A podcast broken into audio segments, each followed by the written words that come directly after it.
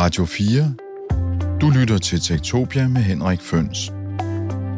Tektopia er et program om, hvordan teknologi påvirker og forandrer samfundet og os mennesker. Tektopia er produceret på Radio 4 af Ingeniørforeningen IDA med støtte fra Industriens Fond, Innovation Center Danmark, Messecenter Herning, Index Award og IDA Forsikring. I redaktionen er Dorte Dalgaard. Mit navn er Henrik Føns, og det er mig, der bestemmer i Tektopia. Techtopia. Tonight's Fact or Fiction is brought to you by America's Finest Carpet. In tonight's Fact or Fiction, we are looking into some confusion people are having about the coronavirus. A story going around today claims that many people think the illness sweeping the globe is connected to Corona the beer. It's true. Google searches have spiked since January the 18th for the terms beer coronavirus, which you see in yellow there, beer virus, which you see in blue, and corona beer virus, which you see in red. So far, Corona Beer's parent company has yet to comment about this. According to the CDC, the coronavirus gets its name from the crown like spikes it shows under a microscope. Corona in Latin is Latin uh, for crown, something like that. Like this. I don't know Latin. Kan den meksikanske coronaøl virkelig smitte dig med coronavirus? Ja, se, det var et rygte på nettet, som naturligvis ikke har hold i virkeligheden, men ligesom coronavirus selv, så spredte det sig som en epidemi på internettet. Man kalder det for en infodemi, en informationsepidemi. Og der er masser af relevant information i sådan en informationsepidemi, men der er også en masse misinformation, rygter, fake news, konspirationsteorier, som kan skabe misforståelser, angst og panik. Og en del af det, det er desværre bevidst, planlagt og målrettet. Det er en slags informationskrig. Man kan finde spor af den i etablerede medier, desværre, men den spredes også af os alle sammen via social media og e-mail, og desværre kommer der indimellem også forkerte og nogle gange bevidst forkerte oplysninger fra officielle instanser. Tektopia handler i den her uge om informationsepidemi. Gæsterne er Peter Starno fra EU's Task Force mod Desinformation, seniorforsker og Ruslands specialist Flemming Splidsbul fra Dansk Institut for Internationale Studier, professor Vincent Hendricks fra Center for Boblestudier på Københavns Universitet. Han har øvrigt også skrevet en bog om fake news. Og til sidst, men ikke mindst, så kigger vi konstruktivt fremad sammen med Ulrik Hågerup, der er stifter og direktør for Constructive Institute i Aarhus, der beskæftiger sig med konstruktiv journalistik, det vil sige det stik modsatte af misinformation. Og vanen tro her under coronakrisen, så har jeg optaget det her i mit øh, hjemmestudie, i mit arbejdsværelse, så lydkvaliteten kan måske halte indimellem, fordi alle interviews de er foretaget via forskellige digitale værktøjer på nettet. Du lytter til Tektopia med Henrik Føns. EU versus Disinfo, EU mod disinformation, det er sådan et flagskibsprojekt, som øh, det man kalder for European External Action Service, East Stratcom Task Force, har lavet i 2015. Og det gik oprindeligt ud på at bekæmpe russiske disinformation, russiske disinformationskampagner under valgkampe. I den her sådan, tid har man så valgt fra Taskforcens side at kigge på, hvad der bliver kørt af disinformation, misinformationskampagner omkring coronavirus og hvem der laver dem og hvor de kommer fra. I sidste uge der udgav uh, Taskforcen en rapport om lige netop det, og det har jeg snakket med uh, talsmanden Peter Starno om. What we have seen over the last few weeks is actually a massive infodemic campaign. That means a lot of inaccurate information, myths and disinformation being uh, being spread in the public domain. De øh, seneste par uger, mens øh, coronavirusen den har spredt sig i Europa, har man også set en massiv infodemic-kampagne, altså en informationsepidemi, som betyder, at rigtig mange unøjagtige oplysninger de bliver samlet, og denne information den bliver spredt i det offentlige rum. Det kan være spredning i sociale medier eller via e-mail, hvor folk de sender ting til hinanden, som faktisk er decideret forkerte. Og så er der det andet niveau, som øh, Peter Starno han betragter som mere dramatisk og mere farligt, fordi det er en åbenlys kampagne fra forskellige kilder og forskellige regioner i verden, som prøver at fremstille coronavirus og konsekvenserne af den gennem desinformation, hvor målet er en kampagne, der enten er møntet på at forvirre folk eller befolkninger i det hele taget, og i værste fald undergrave deres tillid til offentlige institutioner i det land eller den region, de bor i. I det her tilfælde, så kan det være sundhedsvæsenet. Det kan også være tilliden til statens øh, institutioner eller den samfundsmodel, vi lever i, man prøver at underminere. in the healthcare sector and also to undermine the European uh, trust into the institutions of the state and into the model of the society in which we are living. Men hvad er det så for nogle kampagner af Peter Starnov, han ser derude? Hvad er det, de promoverer? We have uh, focused our monitoring efforts on øh, three areas which are usually either the source or um, target of disinformation campaigns. That means the eastern neighborhood, so the areas east of the European Union, the Western Balkans, and the southern neighborhood, Middle East and uh, North Africa. And we found out that... Uh, Han fortæller, at de har koncentreret deres overvågningsindsats på tre områder. Landene øst for den europæiske union, det vestlige Balkan og Mellemøsten og Nordafrika. Siden den 22. januar, der har hans kontor optalt over 110 tilfælde af forkert information, der er forbundet med udbrud af coronavirus eller de konsekvenser, som virusen har. Og de spænder fra den ene ekstrem til den anden. Den ene ekstrem hævder, at det er en falsk nyhed, at det er at coronavirus, det er noget, som er blevet opfundet. Den anden ekstrem er, at det er slutningen på det europæiske samfund, at det er en slags øh, apokalypse, en slags dommedag. Så er der en masse eksempler på, at coronavirus skulle være et biologisk våben, som er blevet udviklet eller anvendt af regeringer eller stater, og man kan selv vælge, om man vil tro, det er Kina, USA eller England, eller måske NATO, eller endda Rusland. Andre kilder siger, at øh, corona slet ikke kommer fra Kina, men det er opfundet i laboratorier i USA for at blive spredt til hele verden. Andre hævder, at det spredes af immigranter, der kommer til Europa. Og så er der en masse misinformation om, at man ikke kan stole på sundhedssystemerne, og at øh, hele Schengen-regionen som sådan er ved at falde fra hinanden, og Kina skal redde EU, som ikke er i stand til at klare sig selv. I virkeligheden kan man bare søge på en given konspirationsteori, og så finder man den med sikkerhed, siger Peter Starnow. Schengen falling apart, um, China coming to the rescue of the EU, which is not able to cope, and um, and all different different nonsense. As really with every disinformation, you just name it and you find it. Men hvem er det, der laver de her desinformationskampagner? Well, what we are not really doing is uh, pointing the fingers. We are not pinpointing the responsibility to specific names or countries or regimes because we've seen this, this, this information coming from various sources, from various actors, and from various regions. Of course, the usual suspects who are thriving on this information, uh, namely the pro Kremlin um, outlets, are very active and the Peter Starner siger, at man ser forskellige kilder, forskellige aktører, forskellige regioner, Men de særlige hovedmistænkte er det, han kalder for pro-Kreml-medierne. De er meget aktive, det vil sige øh, russisk støttede medier. Pandemien det er et dagligt emne i statsstøttede russiske medier, de er meget aktive de her dage. De arbejder på to niveauer, siger han. Et for det indlandske russiske publikum, som slår på, at det her det er en aggression mod Rusland, og at landet er nødt til at beskytte og forsvare sig selv.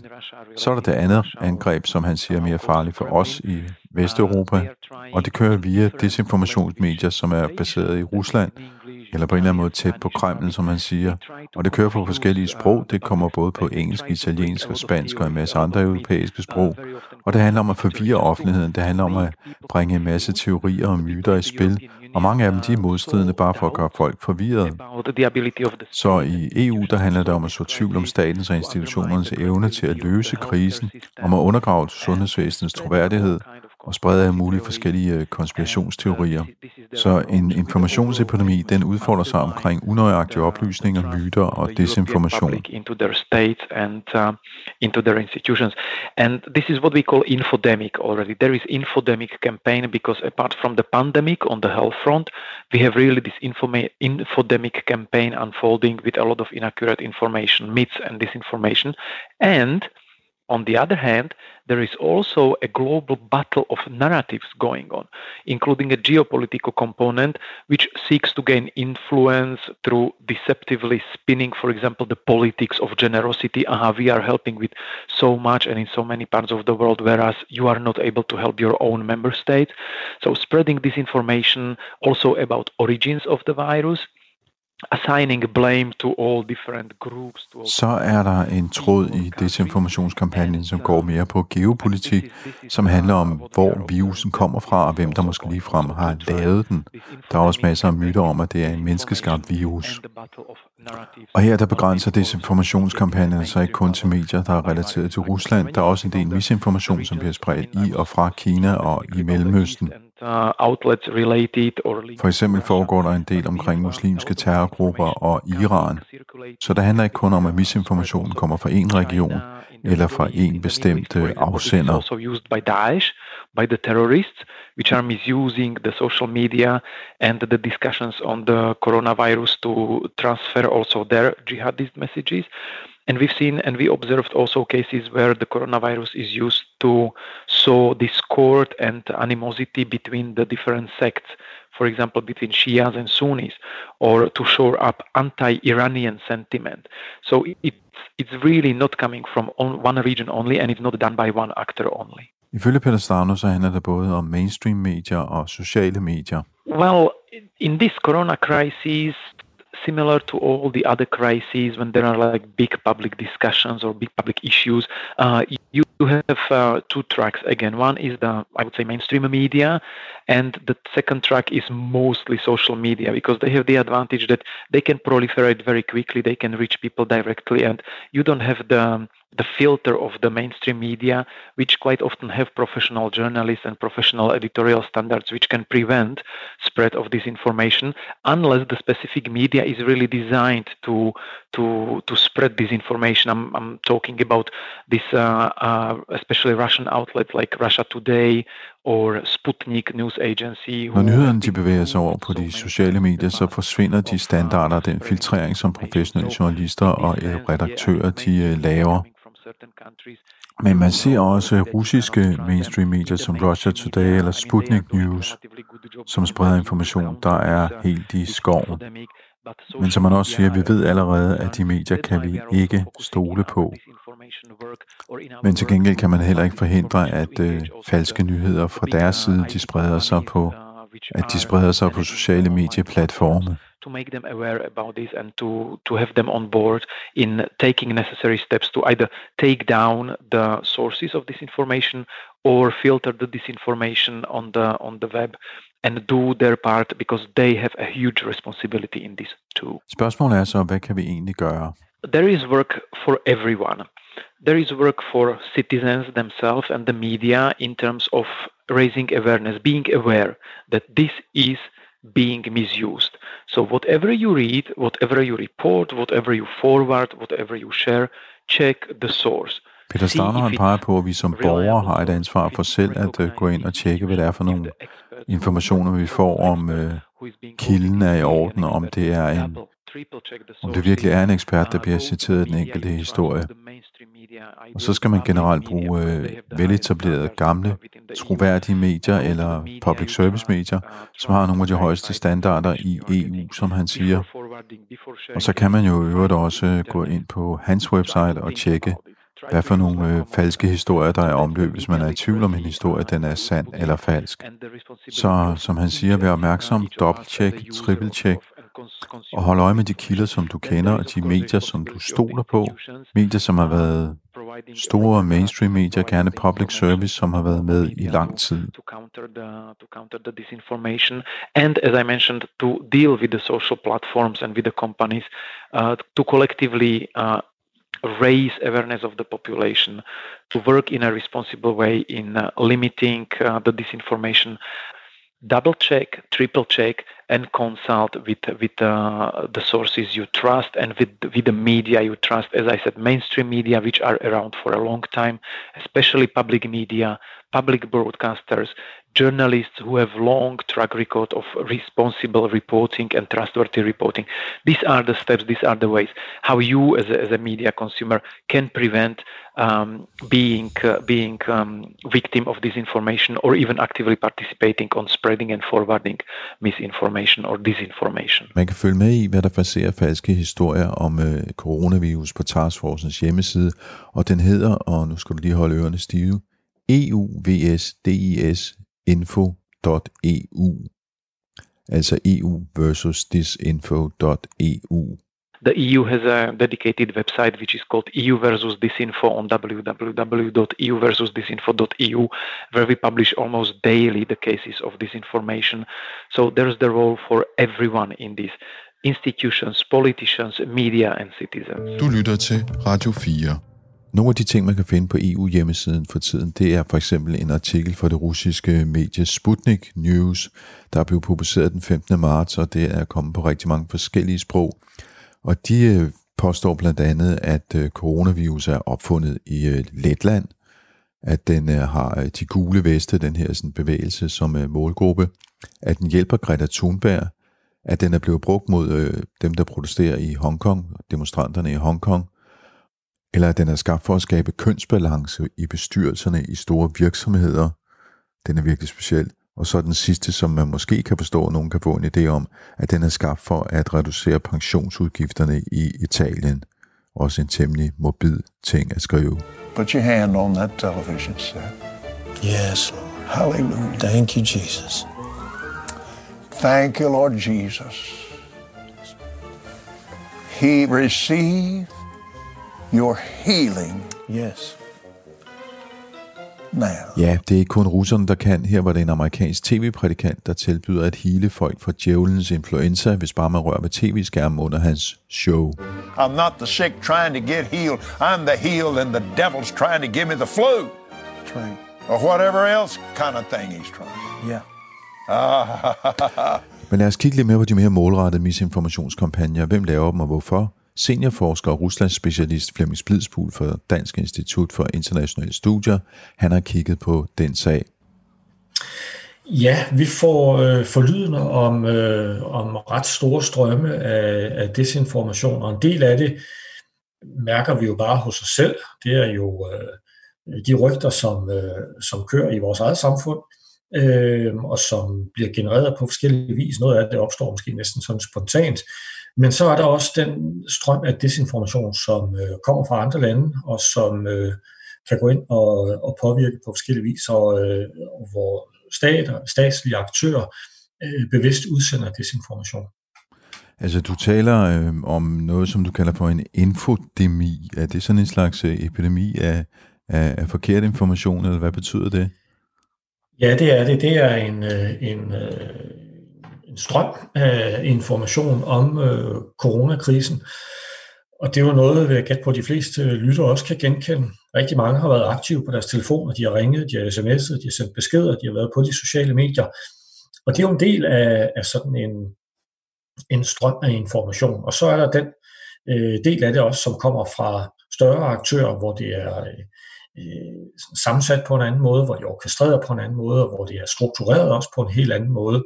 Og, øh, og det har altså ført til det her begreb, hvor man ligesom siger, at der er en, en, en form for øh, informationspandemi, øh, det vil sige en, en meget hurtig og voldsom øh, udbredelse også af desinformation.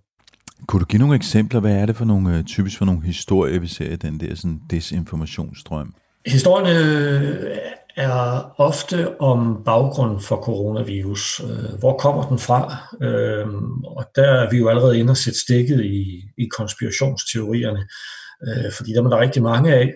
Og konspirationsteorierne hviler jo på sådan en forestilling om nogle skjulte dagsordner, nogle hemmelige netværk og nogle, nogle stater eller enkeltpersoner, grupper, som, som står bag og som har skumle hensigter.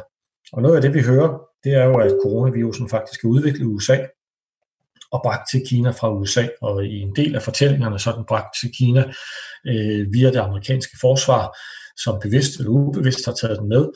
Og det er altså øh, et eksempel på, øh, på amerikansk biologisk krigsførelse. Det er et eksempel på, øh, på et amerikansk øh, våbenprogram, som øh, er gået galt, og det er jo et ekko af en, en meget omfattende desinformationskampagne, som var i 80'erne, øh, som startede i 85 øh, i Sovjetunionen, og som hævdede, at det var USA, der havde udviklet HIV og AIDS øh, til brug også som et øh, biologisk kampvåben. Og, øh, og der er rigtig meget om, om baggrunden for, for coronaen, øh, altså hvor kommer den fra. Øh, andre teorier om det, det er det medicinalindustrien, der står bag. Øh, vi hører om hemmelige netværk, som ønsker at tvangsvaccinere befolkningen og installere en chip øh, i hvert enkelt menneske, også i forbindelse med, med, at man bliver vaccineret, således at man kan kontrollere, hvor folk er.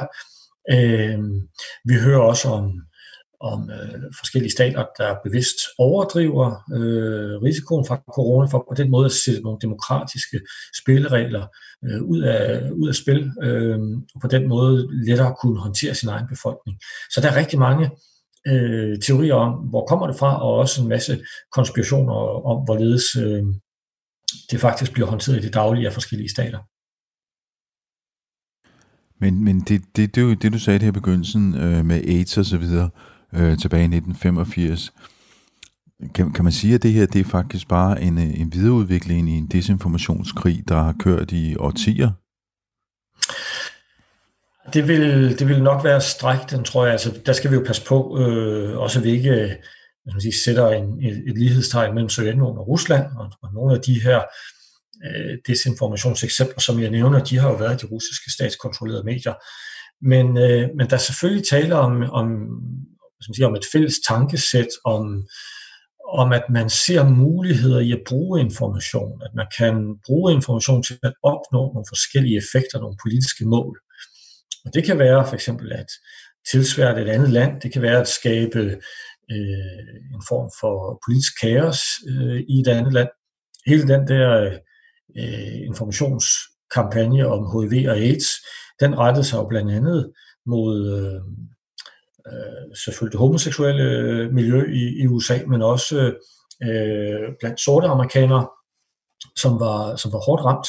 Øh, og, øh, og en del af øh, man sige, af formålet der, det var at, at skabe panik øh, internt i USA, og det var at, øh, at få enkelte grupper til at øh, vende sig mod staten, øh, ved at opgive tilliden til deres egen stat, til deres egne myndigheder. Øh, Øh, så, så det kan have mange forskellige øh, formål. Øh, og der, der kan vi sige, at nogle af de kampagner, der kører nu, i hvert fald de kampagner, som er sådan på højt niveau, og som er velorkestreret og velstruktureret, de, har, de vil have den samme baggrund. Man forsøger at opnå en eller anden form for for øh, effekt, som man normalt vil have tænkt over, man vil have defineret, og så ser man så, om man kan, om man kan ramme den. Og, og hvad, hvad er det for en effekt, man, hvad er det for nogle reaktioner, man ønsker at få? Det kan for eksempel være at, øh, at skyde skylden på andre lande, altså for eksempel at sige, at, at øh, coronavirusen faktisk er udviklet i USA.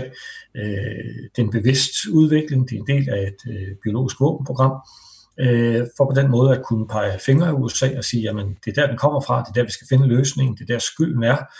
Øh, det kan også være at, øh, at undergrave tillid til institutioner, for eksempel i vestlige lande, ved at så tvivl om, om de formår at, øh, at øh, håndtere krisen, om de videregiver de rigtige informationer, om de videregiver de rigtige informationer på de rigtige tidspunkter, om de har skjulte dagsordner, som vi bare ikke har hørt om endnu, osv. osv. Så der kan være rigtig mange øh, forskellige øh, mulige mål, og man kan også ramme, forsøge at ramme flere på samme tid. Så, så det handler om angst og ustabilitet og... Ja, det gør det blandt andet, og der kan vi sige, at angsten er der jo på en måde først, hele den, den grundlæggende frygt, der ligger hos mange, og, og usikkerheden om, hvad der vil ske fremadrettet, er, øh, er et vilkår, som gør det let at øh, udbrede desinformation. Og, øh, og der kan man så yderligere skubbe til både angsten og til usikkerheden, og på den måde få det til at accelerere. Øh, og der fortæller vi også nu om, at, at der er en voldsom stigning i det her, jo blandt andet fordi, at vi som nyhedsforbrugere jo efterspørger det. Øh, vi er interesseret i at finde svar på nogle af de spørgsmål, som, øh, som vi går med. Øh, og derfor opsøger vi også rigtig meget information for tiden. Nu har du jo været lidt inde på, hvem afsenderen kunne være. Øh, altså er det utvetydigt øh, Rusland og Kina, som øh, står bag de her kampagner? Det er i hvert fald, øh, hvad vi hører. Øh, det hører vi blandt andet fra EU's side, og EU udgiver nu en rapport om, øh, om russisk desinformation, øh, hvor man har en lang række eksempler, som man siger har kørt ret målrettet siden i hvert fald januar 2020. Øh, så har vi også hørt fra kinesiske myndigheder, fra kinesiske statsmedier. Øh, men det er klart, en del af det, det vil være nødt til at se på lidt senere, og rulle det tilbage og se, hvor kom det faktisk fra, og hvordan har hele det her økosystem fungeret, hvor det er kommet fra i første, øh, i første række, og hvorledes er det så blevet øh, videreformidlet. Og samtidig skal vi huske på også, at, at en del af den desinformation, som rammer os lige nu, den kommer jo selvfølgelig også andre steder fra.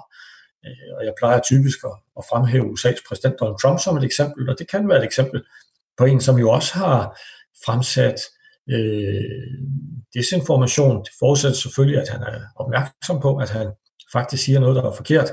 Øh, men hvis vi forudsætter, at det er det, jamen så har han jo også gjort det.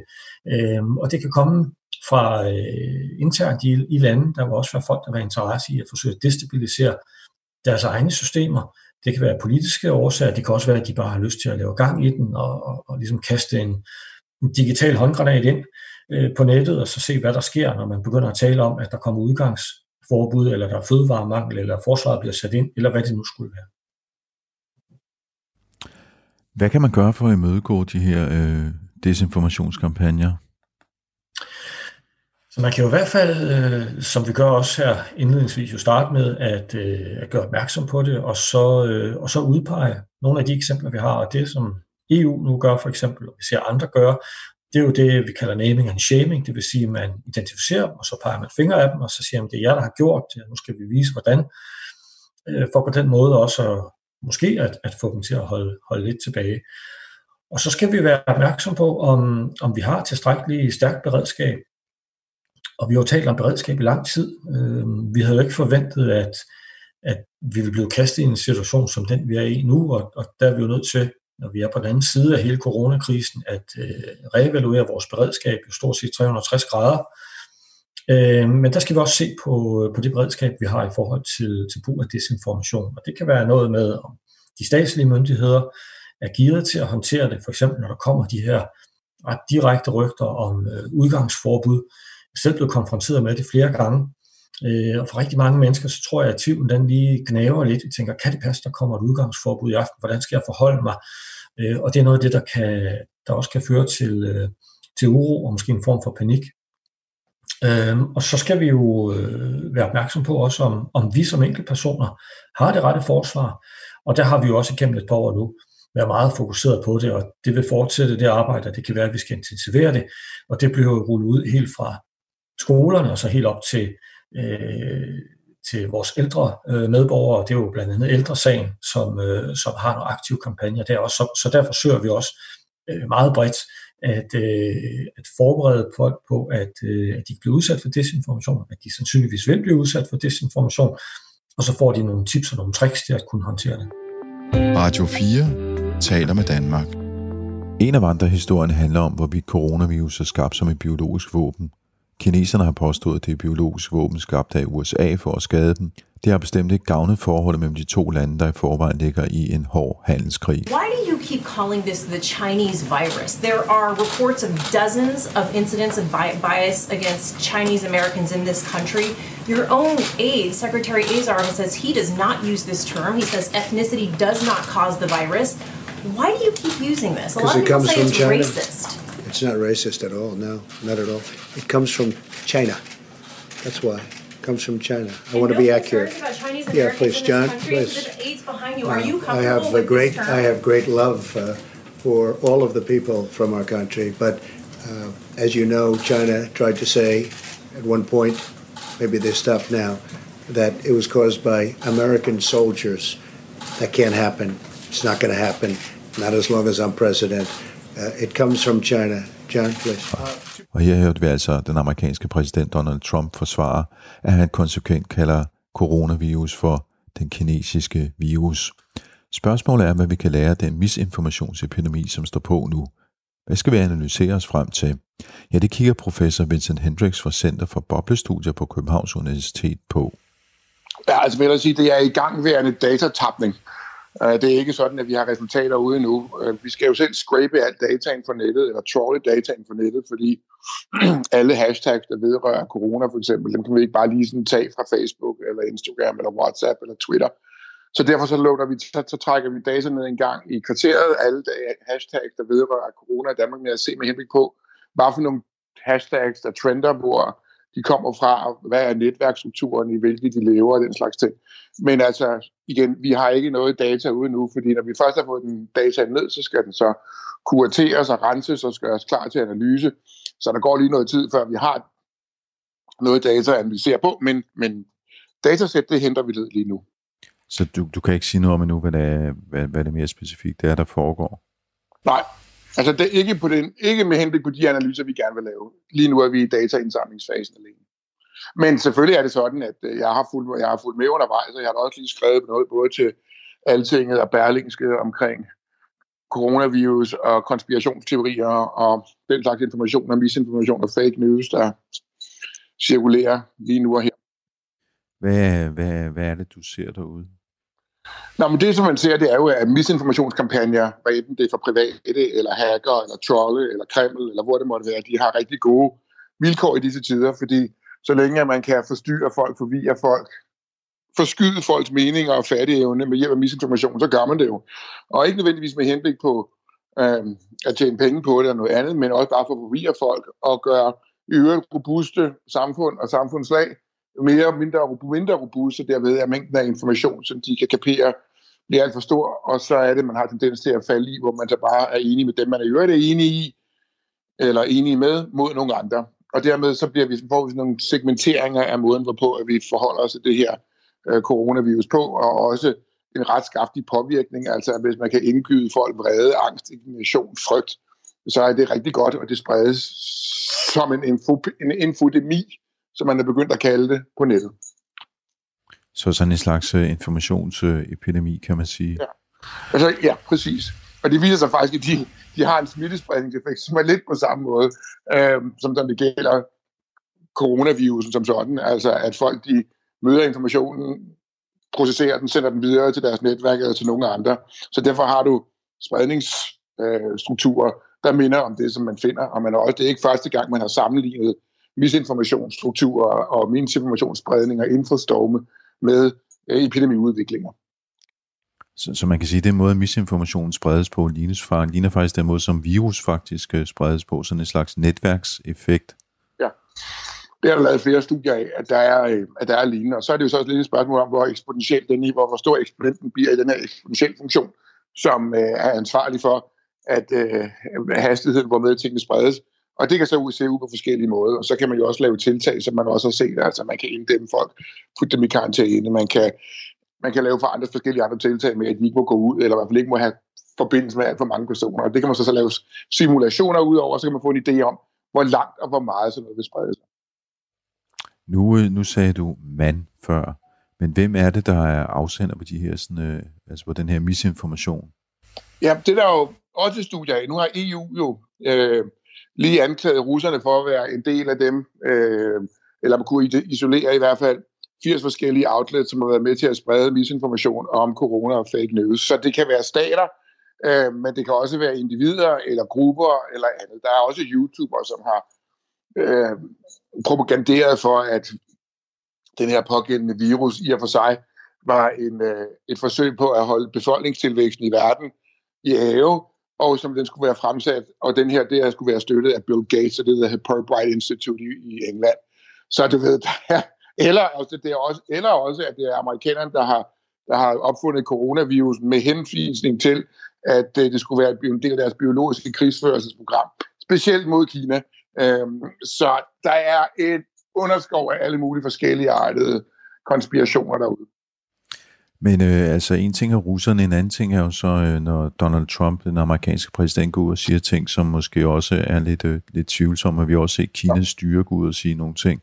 Så der er vel mange forskellige typer misinformation, mange forskellige, øh, hvad skal man sige, typer afsendere. Ja, det er der i allerhøjeste grad.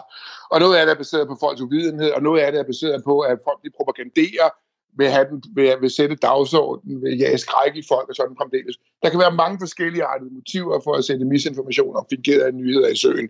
Øhm, og, øh, og, og, og det igen, da, vi, da Mads Vestergaard og jeg vi skriver bogen Fake News, så isolerer vi sådan fire-fem forskellige artede årsager til, at man kunne finde på at propagandere for fake news og misinformation. Og det kunne være for propaganda, eller marketing, eller at sætte dagsordenen, eller at trolle, eller for den sags skyld at tjene penge, øh, derved at man trækker trafikken igennem et bestemt site, og så sælger man resten til annoncer. Så, så der kan være mange forskellige artede grunde til, at, at misinformation og fake news kan sprede sig. Og, og de årsager, du, du nævner der, de, de gør sig også gældende her, så griber man chancen, fordi der sker så meget omkring corona lige nu. Ja, det kan man sagtens gøre. Ikke? Og du ved, der er også nogen, der har frem med teorien om, at det er faktisk den farmaceutiske industri, der står bag udspredelsen af coronavirus, med henblik på at sælge flere vaccinationer, når det gang kommer. Men øhm, Altså nu er du så i gang med en analyse, men hvad, hvad, hvad kan vi gøre for at, øh, at dæmme op for det her og sørge for, at den, den sande information, den øh, ligesom øh, får overhånd og kommer frem? Jamen det er lidt ligesom det samme med epidemien der, ikke sandt? Altså det er, at man ikke kommer til at sprede det for meget, øh, hvad enten det er, hvad enten at man har kontakt med andre mennesker, eller at man har kontakt med andre mennesker online, og dermed kommer til at sprede misinformation af forskellige art. Så det vil sige, før man begynder at sprede en eller anden bestemt historie, som man synes er interessant, så skal man måske lige tjekke, er der andre steder, man kan finde den? Kan man uafhængigt triangulere den med anden information rundt om? Er det kun den ene kilde, der har det? Og hvorfor skulle jeg sende den videre, hvis jeg er i tvivl om, hvorvidt den er sandfærdig? Så du ved, man kan starte hos sig selv med at, øh, at udøve en vis selvjustits, hvormed at man deler, kommenterer og på anden vis interagerer med information på nettet. Men... Og så er der også andre tiltag. For eksempel at WHO og Facebook er gået sammen om at prøve at dæmme op for nogle af de allerstørste misinformationskampagner, der også kører på Facebook. Så de sociale medier er også begyndt at være opmærksom på, at deres platform bliver brugt til nogen, noget, som er relativt uheldigt, og dermed også slå sig sammen med andre for at gøre noget ved det. EU har lavet en taskforce, som debunker forskellige misinformations- og fake news-historier. FN har gjort noget tilsvarende, WHO og sådan fremdeles. Så der er også både de store aktører, men også sandelig også os som borgere, har også en rolle at spille i det her med henblik på spredning af misinformation. Hvad med de uh, traditionelle medier? Ja, men det her, de traditionelle medier spiller jo en kæmpe rolle her. Fordi de traditionelle medier dybest set har de meget, meget store megafoner til, til offentligheden, og dermed kan påvirke dem relativt kraftigt, og er meget store spillere i den her opmærksomhedsøkonomi, som vi også alle sammen er nedsunket i. Jeg vil så dog sige, at de danske medier har været meget opmærksomme på deres civilsamfundsaktøransvar og public service forpligtelse, og forsøger, af mit indtryk, af øh, at oplyse befolkningen om, hvor vi står henne i den her øh, pågældende krisetid, og hvad vi kan gøre ved det, uden at male fanden på væggen, og uden at blive sensationelle eller spektakulære. Og det er en ret vigtig rolle lige nu og her, fordi når panikken først spreder sig, så begynder farerne også at vise sig. Og panik har det både med at sprede sig hos dem, der er paniske, men det rammer også dem, som ikke er det. Så derfor skal man være meget forsigtig med at, øh, at kuratere sin information, at tjekke den, at leve op til de grundlæggende journalistiske principper om triangulering og forfølge sandheden og kendskærninger så langt som man kan, og være borgernes var og være vagthund over for magthavere og alt det. Du lytter til Tektopia med Henrik Føns. Vi skal huske, at vi selv er en del af misinformationsepidemien gennem det, vi deler på sociale medier og i e-mails. Men nu er det jo ikke kun russerne og kineserne, der er skyld i misinformationen. For eksempel så reklamerer den højreorienterede amerikanske radiovært Alex Jones højlydt for en tandpasta, der kan beskytte os mod coronavirus. I'm not going to belabor this. Uh, I'm just going to tell you that for just your daily life and your gums and your teeth and for regular viruses and bacteria, the patented nano silver we have, the Pentagon has come out and documented and Homeland Security and said this stuff kills the whole SARS corona family at point blank range. Well, of course it does. It kills every virus. but it's they found that, and this is a this is 13 years ago, and the Pentagon uses the product we have, and the product we have in private label is about to be in Walmart coming up. They, they just ordered a massive crap ton of the, not the one they have, but this even better one that we have. So I'm just saying we're always cutting edge. Thank to God. I just I just go with the research, go with the spirit, and we always have it.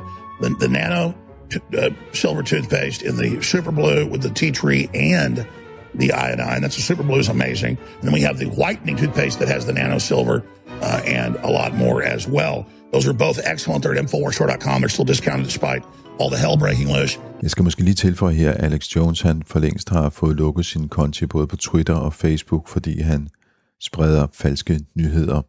Mens jeg sidder her og laver udsendelsen, kigger jeg også lidt på mit uh, Twitter-feed og ser, hvilke historier, der kører igennem der.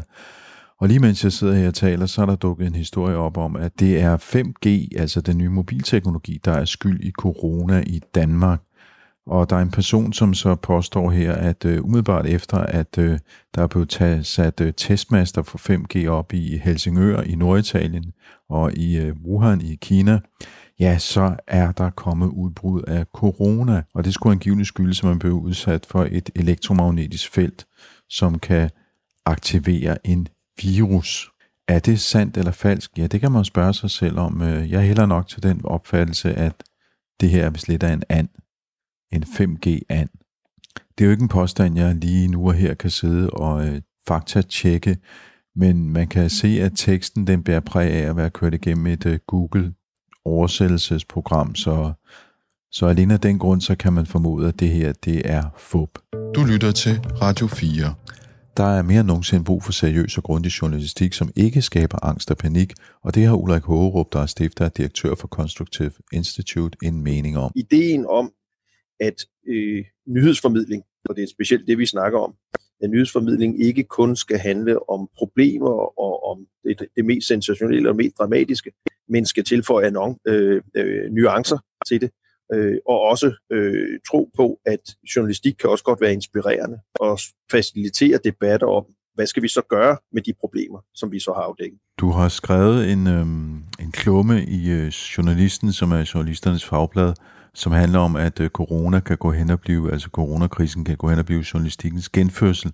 Hvad, øh, hvad tænker du på her? Jeg tænker på, at øh, det, der har kendetegnet øh, journalistik og medier øh, de seneste mange år, har været en øh, stødt stigende mistillid til journalister, til nyhedsmedier, øh, en, en, en manglende lyst til at bruge tid på det, en manglende lyst til at bruge penge på det, betale for det. Øh, og det, vi oplever øh, nu i hele verden, er, at det går op for folk, at det, der er brug for i tider, øh, hvor der er pandemi, og øh, hvor der sker så meget rundt om os, som påvirker os så voldsomt, at vi har brug for nogen, som kuraterer øh, nyheder. Hvad betyder det? Det vil sige, bruger sin professionalisme til at skelne mellem det, der er nyt og gammelt, mellem det, der er sladder og det, der er fakta, mellem det, der er plider plader og det, som er væsentligt. Og det er journalistikkens væsentligste opgave, og det vil sige, det som rigtig mange mennesker øh, troede, var, at det, nå, jamen, vi kan jo bare selv finde vores informationer øh, på nettet, eller vi kan bruge sociale medier til at kuratere øh, virkeligheden for os, at øh, vi stoler alligevel ikke på det billede, som vi får der. Det er ikke fordi, at sociale medier ikke er fantastiske på rigtig mange områder, men det, ideen om, at journalistik, medier, er sat i verden for at gøre os alle sammen klogere på øh, os selv, på hinanden og den verden, vi er en del af. Det tror jeg, at rigtig mange mennesker øh, er, er ved at finde ud af, at det er det, der er tilfældet. Øh, og hvis medier gør det rigtigt i de her tider, så vil det betyde, at mange mennesker, offentligheden, politikere, vil få op, øh, øjnene op for, hvad, hvor forfærdeligt det vil være, hvis journalistik ikke var der til at løfte den opgave for vores samfund, som journalistikken i virkeligheden er sat til at lave. Så derfor siger jeg, at denne her corona-krise øh, har en, en, en, øh, også en masse muligheder i sig, også for journalistik, til at vise, hvad det er, der er vores opgave. Hvorfor det er værd at bruge tid, og dermed også penge på øh, det fag, som i øvrigt siden år 2000 har været det fag i USA, som har mistet flest øh, arbejdspladser. Øh, langt mere end kulmineindustrien har journalistikken, medierne, mistet arbejdspladser siden år 2000. Nu øh, snakker Flemming Splidsbol fra øh, Dansk Institut for Internationale Studier om det, han kalder for en infodemi, altså nærmest sådan en epidemi af information, en flod, flodbølge af, hvad skal man sige, falske, falske fakta, hvis man kan sige det, kalde det det, mm. som vælter ind mm. over os omkring corona. Når man nu mm. sidder der som journalist, fordi det er jo de færreste af os journalister, der i virkeligheden har det her som fagområde, som kan gennemskue øh, øh, hvad, hvordan opstår en virus, øh, hvordan kortlægger man den, øh, øh, hvordan bekæmper man det her, hvad er op og ned, altså hvad, hvad, hvad, hvad skal vi gøre som journalister her, for at leve op til de kriterier, ja. du snakker om der?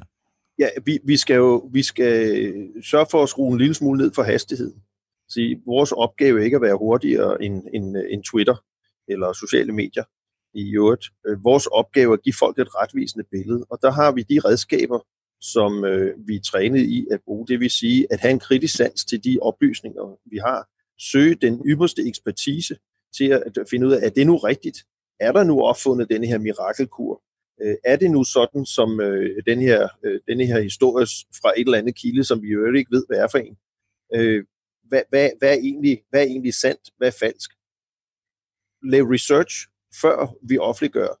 Det, det er det, som øh, journalistikken øh, kan og det er derfor, at medier øh, med et brand, som er troværdigt, øh, som har en, en, øh, en, en måske århundrede lang tradition for ikke at offentliggøre hvad som helst, men at her er et sted, hvor man undersøger tingene, før man offentliggør det. Det er det, vi skal gøre. Øh, og vi skal, vi skal så lære folk, og vi skal lære vores børn, at øh, det er altså ikke, det er ikke nok, at man bare finder tingene et eller andet sted på nettet. Øh, man skal stille spørgsmålene, jamen, hvor kommer det fra? Hvem har filtreret det for dig? Er det nogen, vi kan stole på, eller er det ikke? Det stiller enormt store krav til nyhedsmedier, som i øvrigt er voldsomt presset. Øh, men det er også en enestående mulighed for, at vi kan vise, øh, hvorfor at vi er der, og hvorfor ingen demokratier kan fungere, hvis der ikke er en uafhængig, kritisk, men også konstruktiv presse.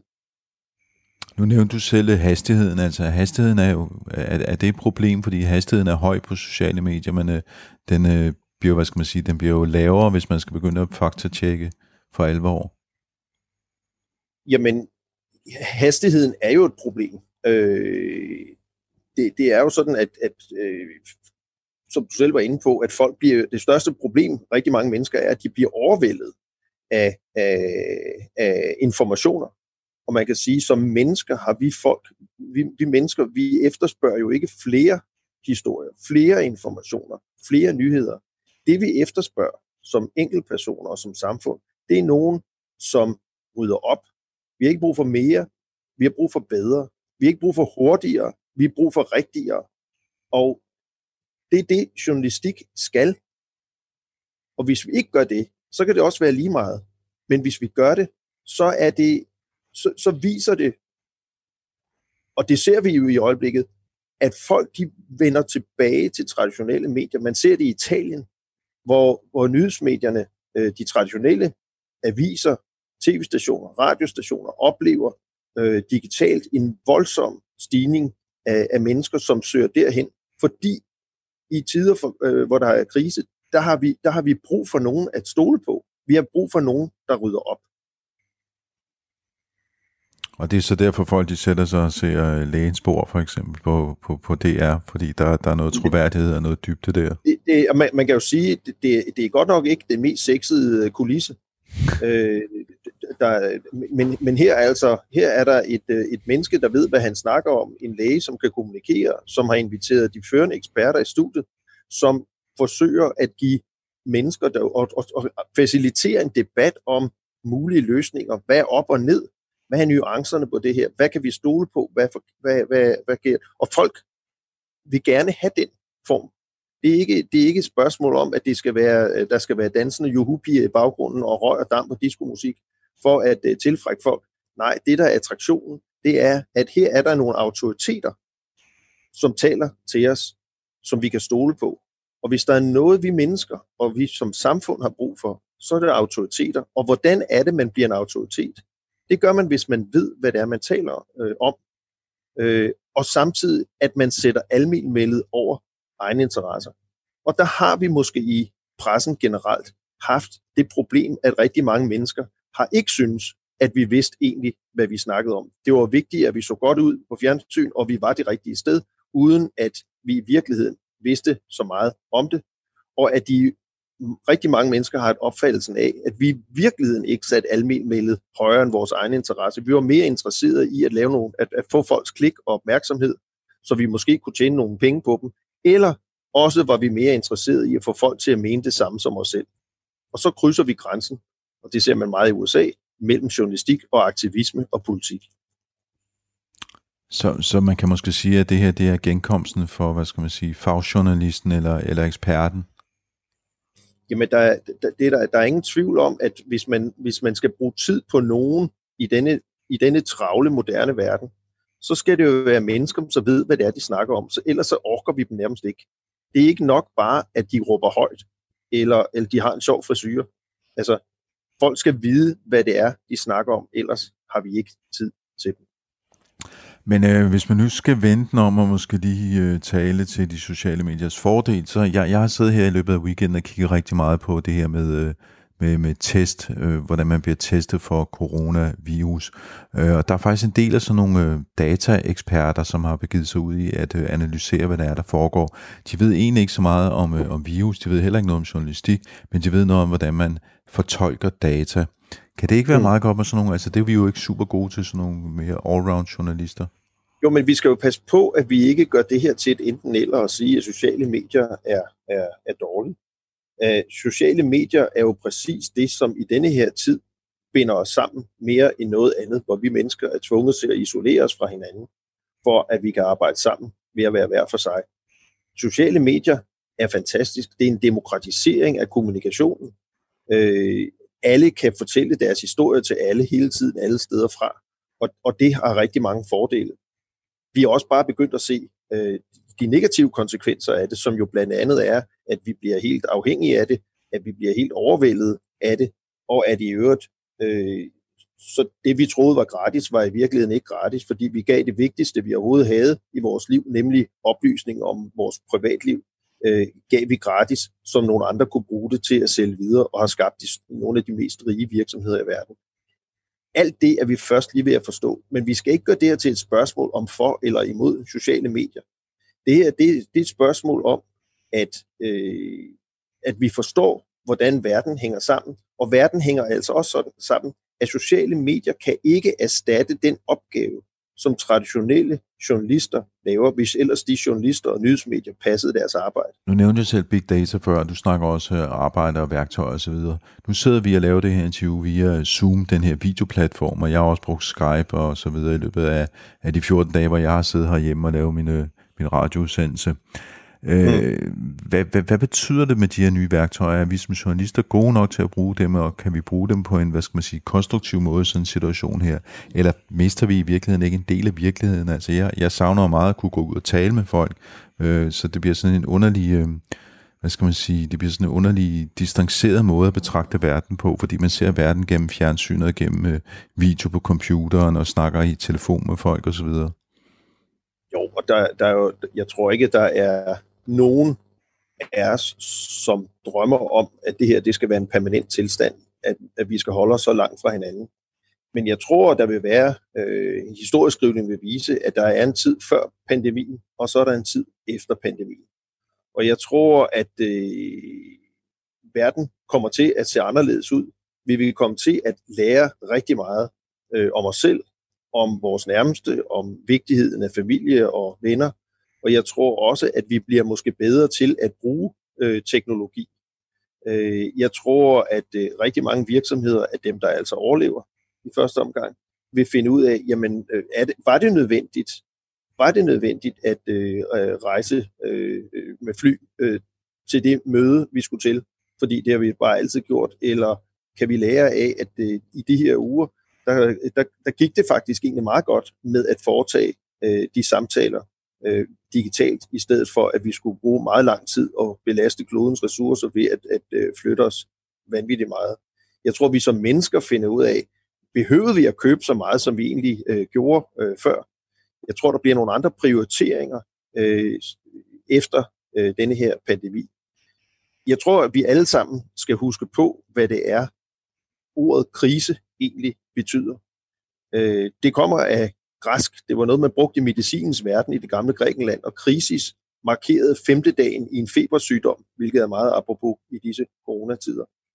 Øh, efter fem dage, det var altså før penicillinen, og feberen stadigvæk steg, så, end, så døde man nok. Og hvis feberen faldt efter fem dage, så blev man nok rask. Så krisis markerede det punkt, som man kan oversætte med vendepunkt. Jeg tror, at denne krise, vi står i, på mange måder kommer til at blive et vendepunkt øh, for rigtig mange brancher.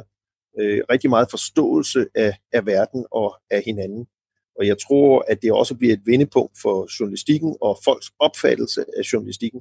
Og specielt digitalt er det jo muligt at manipulere så voldsomt med virkeligheden, at der er brug for nogen, som har nogle redskaber, har en kritisk sans og er i stand til at, at øh, formidle øh, væsentlige oplysninger, efter de har undersøgt tingene selv og ved, hvad det er, de snakker om. Ja, du skal tjekke dine kilder og din nyhedsleverandør, især før du deler med andre via sociale medier eller e-mail. Der er meget vrøvl og fake news derude lige nu. Jeg prøver at holde sandhedens fane højt her i Tektopia i hjemmestudiet. Vi sender hver søndag kl. 13.05 på Radio 4, og bagefter kan du høre udsendelsen som podcast. Du kan finde den på radio4.dk-programmer-tektopia. Og husk nu, shampoo det beskytter ikke mod coronavirus. På genhør. You're saying that Silver's solution would be effective. Well, let's say it hasn't been tested on this strain of the coronavirus, but it's been tested on other strains yeah. of the coronavirus and has been uh, able to eliminate it within 12 hours. Du lytter til Tektopia med Henrik Føns.